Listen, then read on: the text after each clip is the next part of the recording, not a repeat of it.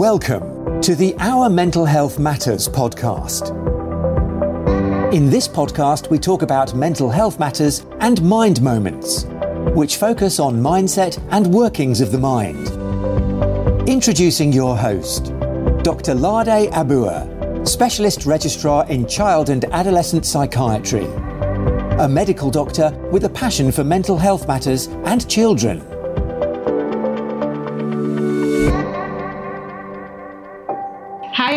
It's Lade here. Welcome to our Mental Health Matters podcast. Today I've got a very important guest with me, and his name is Steve Lavin. He is the author of Looking for Normal, and um, he is uh, he works as a specialist tutor at the National Autistic Society a day a week. He is married with two daughters and a stepdaughter and he was uh, diagnosed with high function autism in nearly middle age, which is what the whole book was centered about. So, welcome, Steve. Hello, Nade. And how are you today? I'm very well, thank you very much. Yes. So, would you mind telling us a bit about your book, Looking for Normal? Yeah, I, I wrote the book a few years after I was diagnosed with autism in 2008 it mm. took about four years to write, mm. and um, it's just a story of how I managed to um, get to the age of 48 before I was diagnosed with autism, yes. and and the circumstances that led to that happening. Right. Uh, unfortunate that you, you would have autism being diagnosed at that age of 48, you know, and having had quite a lot of um, questions and answered, having gone through quite a lot before eventually getting the diagnosis. What are your thoughts on that? Um, well, I think a lot of it was just due to a lack of knowledge mm. in the medical profession. Yeah. Um, you know, I mean, I, you know, well, when I was a child, it just wasn't even spoken about, and unless you were very severely autistic, and then, you know, it may be mentioned. Yeah. Um, but people sort of, I suppose, that were functioning. Right they just were missed entirely. Yes, yes, yes. Um, I mean, I, believe it wasn't until the early 1990s that Asperger's was yes. a, a diagnosable condition. So, you know, it's fairly recent times. Yes. And, you know, up until even recently, um, in, in my opinion and my experience as well, is that autism hasn't been a thing that psychologists and psychiatrists have really touched upon. No. Um, you know, I mean, if, if, you ended up in the mental health services, mm. you you you may get treated, f- you know, for your mental health conditions, but that was one of the only places where you'd have a chance of getting an autism diagnosis, but it it's just, it just wasn't being picked up. Yes. Yes, and um, I recall from your book as well, where you talked about, uh, uh, you know, the psychiatrist had as a child and um, you know, uh, mm. that experience of not being diagnosed then, even though, yeah, the, you, you know, the symptoms were there and um, you had difficulties as far back as then, uh, which is quite mm. unfortunate. But as, as you said, the, the awareness now is more than it was then. Yeah, and, it, um, it, it, it's more, but it's still, I still don't feel that um, the world of autism and mental health are connecting properly. They, I mean, they're beginning to, and you know, OCD, for example, is is an area that um, psychi- psychologists and psychiatrists are beginning to um, see, um, you know, sort of the comorbidity of, of those two conditions. Yes, yes. But it's still not as widely spread as, as it needs to be. Yeah, yes, yes, that's true. Uh, and um, you know, a lot of um, it's not just amongst the professionals as well. You know, in the public as well. There's a lot of mm-hmm. um, uh, reduced awareness with autism, with mental health disorders, mental health mm-hmm. difficulties, and all of that. So, um, having going back to um, you know when you got the diagnosis, how did you feel? I was relieved, actually. Yeah. Um, yeah. yeah, initially, I was relieved because because I'd been under the mental health services. Um, right. Well, I have been for like you know 50 years, pretty much. Mm. Um, but there was there there was always something that the mental health services couldn't touch on that mm. they couldn't. It was like having an itch that you couldn't scratch. There was always that thing. Yes. Um, and then when I was diagnosed, just by chance actually, mm-hmm. Um, then it was a piece of the jigsaw that no one had been able to, to put in place. Mm-hmm. And it made everything else make sense. Mm-hmm. mm-hmm. Yes. So, uh, having diagnosed and, you know, having the, the you know, jig, the, the piece put in the jigsaw that, you know, not really mm. explains everything, but helps to explain quite a lot. Um, since then, how would you say you, you have been, you felt in yourself having had that piece fitted in? Do you think yeah. it's helped? Sorry, I, I, think I may have lost you there. Yes, so I, I haven't had the, you know, haven't had the diagnosis and that the jigsaw put in that you feel mm. completes the whole picture and explains quite a lot of things. Mm. How have you felt since then? I think it's it's funny because the first few years that I had it, I was really trying to make sense of mm-hmm. all the years that had gone before. You know, when you try and reassess yourself in the light of what you know about yourself. Yes. And there was a lot of self assessment and mm-hmm. soul searching going on to say, you know, you, you, look back and you think, oh, so that is why I made that stupid decision or, yeah. or that wrong decision or, you know, why things never quite worked out, yes. you know, the way. But that's that's kind of come to an end now, and I've I feel quite peaceful about about knowing that I've got high functioning autism, and I rarely mention it these days. Mm-hmm. I, th- I think I think the one the one thing that's that, that people on the spectrum do do suffer with a lot is um, is mental ill health yes. and you know, yeah. depression and OCD, yes. and actually those are the things you know. I, I, I read a, a, statistic on the National Autistic Society website, and I think it was 65 to 70 percent of people on the spectrum suffer from depression and anxiety and OCD. Right. Know, yeah. Um, yeah. And so there's something about the autistic brain that that attracts those conditions perhaps more than the general public. Yes. Yeah. Yes, yes, you you are definitely right. Um, autism, like ADHD, you know, is one of the neurodevelopmental disorders, and they do have this cluster of comorbidities that tend to occur in them. Mm. Um, as you mentioned, OCD is one of them. Um, depression, and uh, yeah, this this tends to occur uh, more in people who have autism.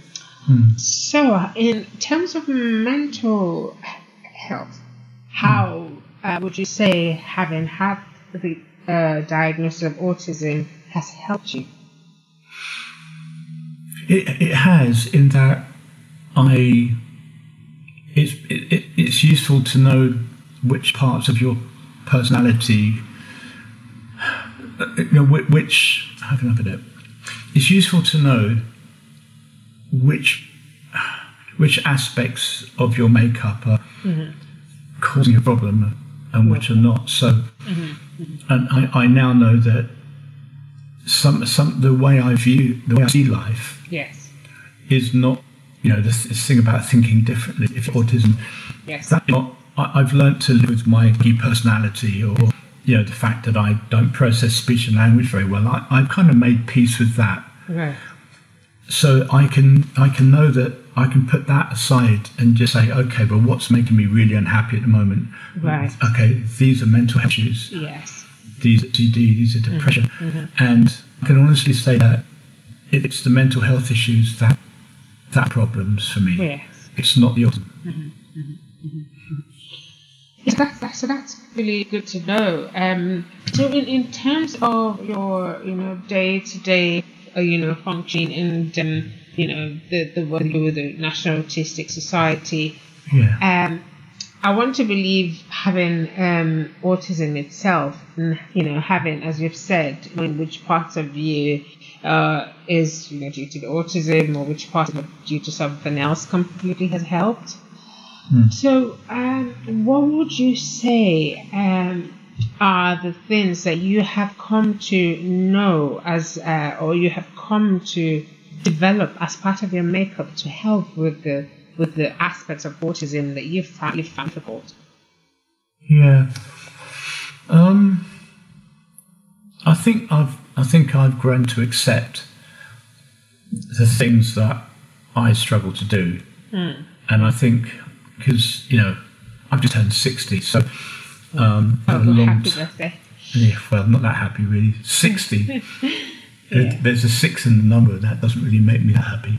Um, I think I've had a, lo- a long. Maybe I just don't care so much anymore about getting things right. Right.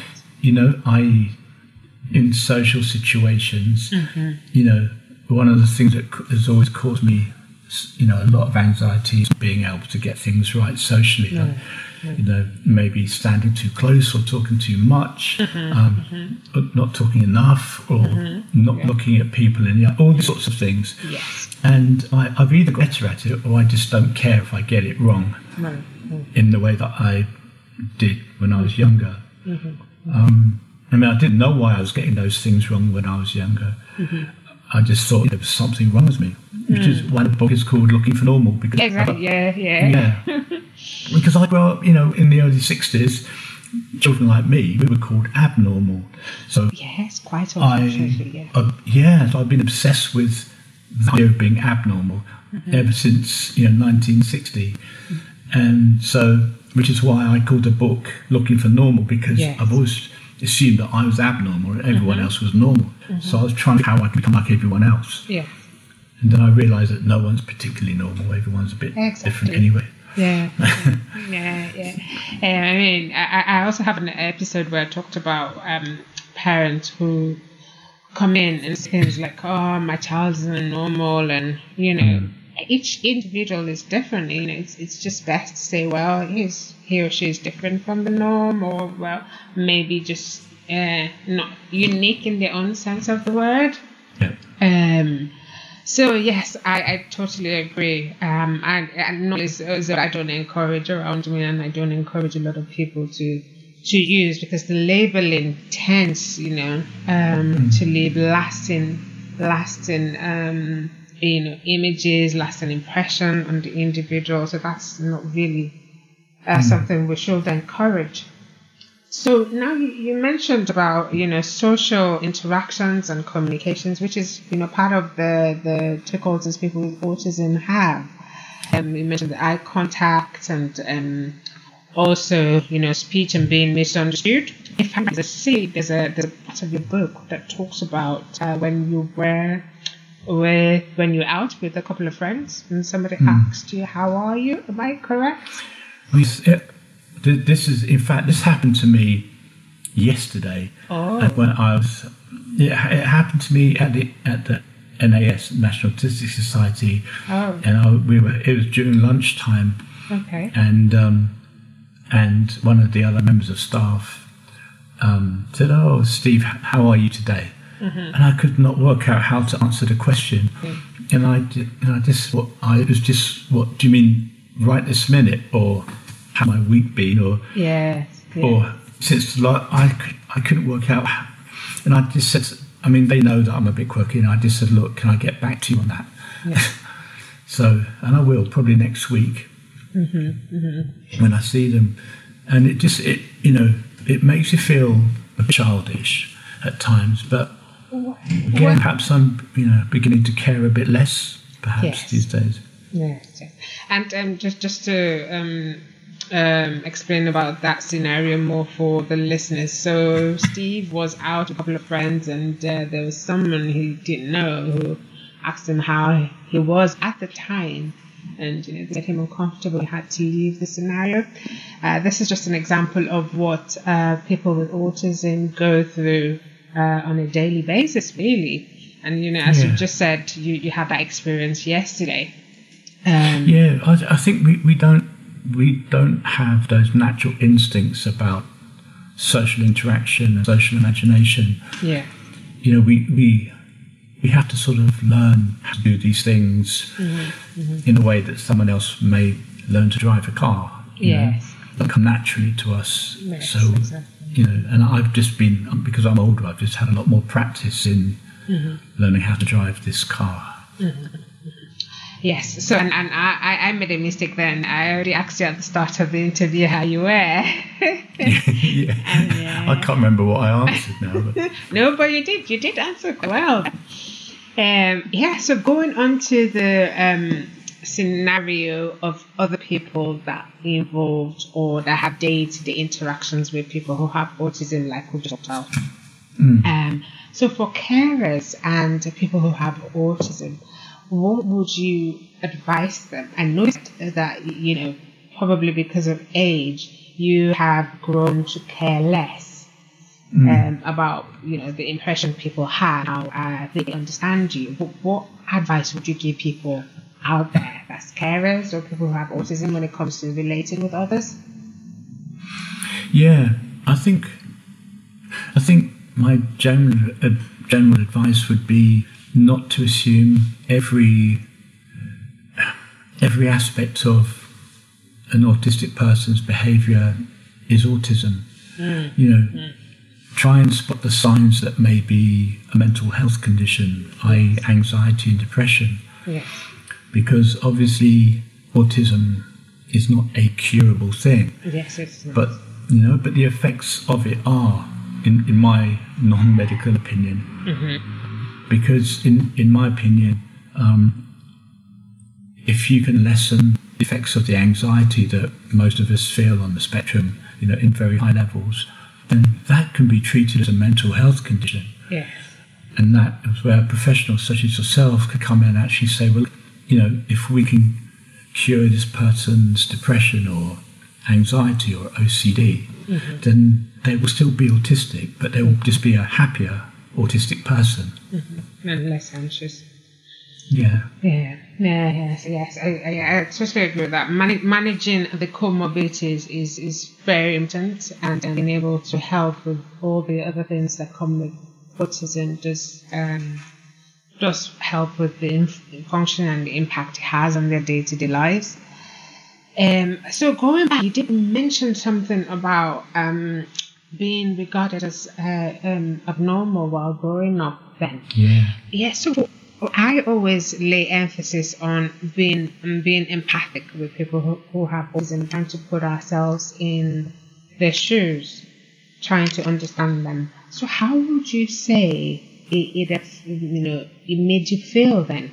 Because as you said with the book, it was looking for normal because you know that there was that query label of being abnormal, which you know is quite a huge thing, you know, to have at the back of your mind and grow up with.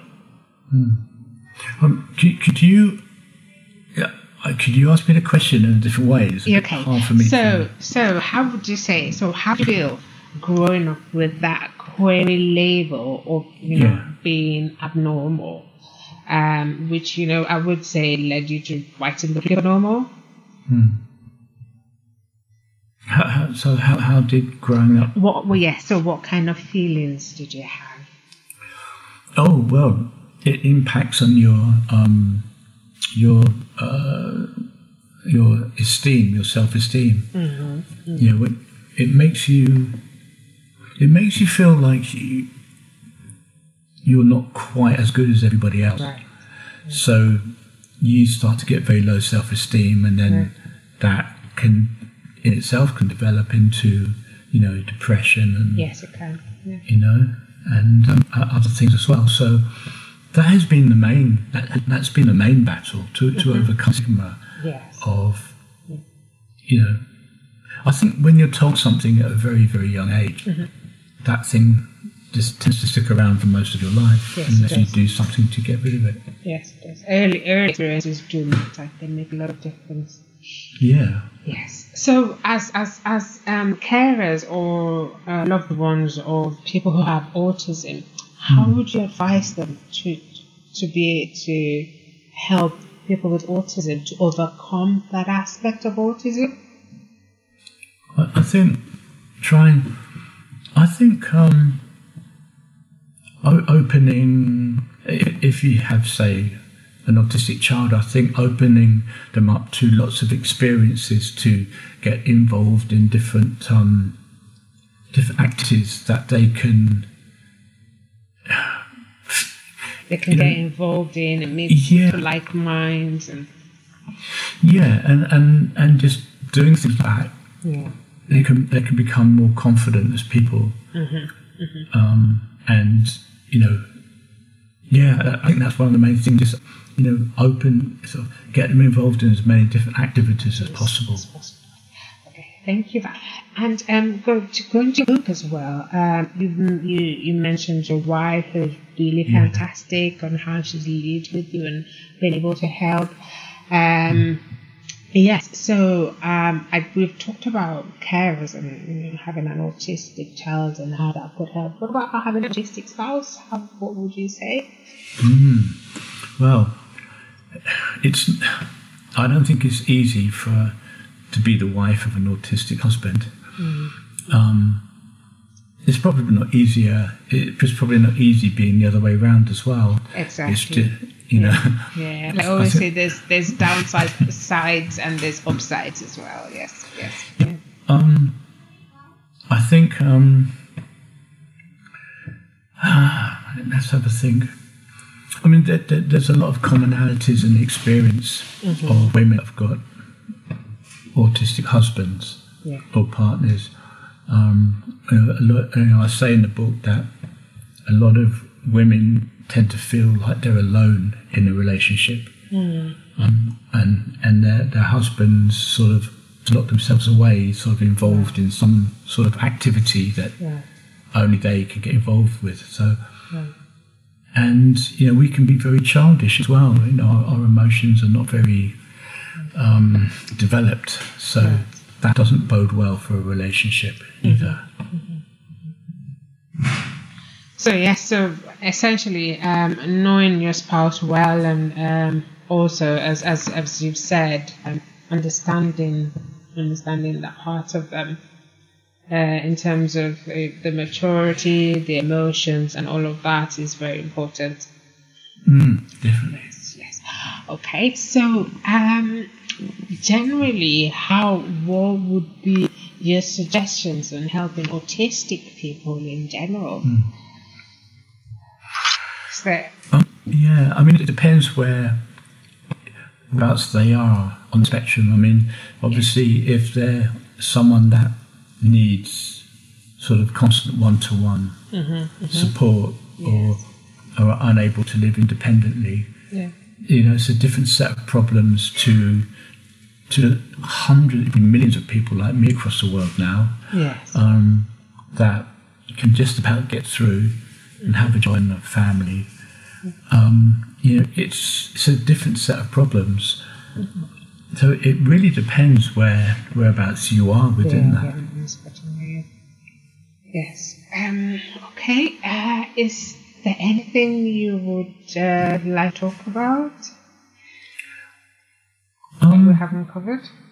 Yeah, I, I think I think I'd probably go back to raising awareness amongst mental health professionals to, to begin to look um, at how they can adjust their treatments hmm.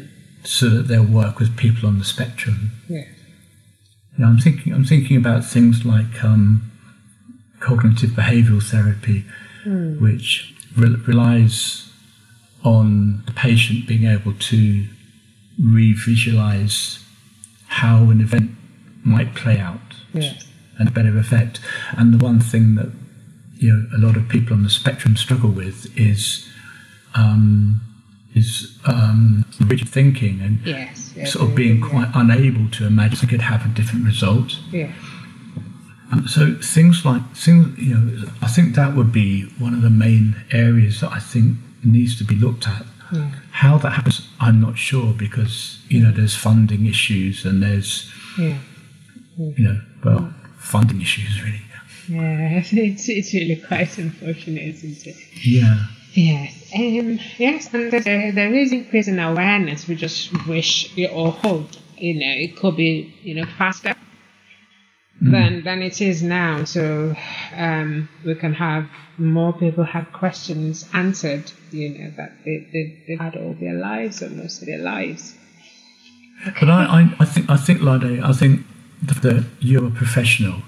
Mm-hmm. Um, you know, I'm, I'm not a healthcare professional anyway. I'm utterly unqualified, but you, you are a professional, and the fact that you're doing this um, is part.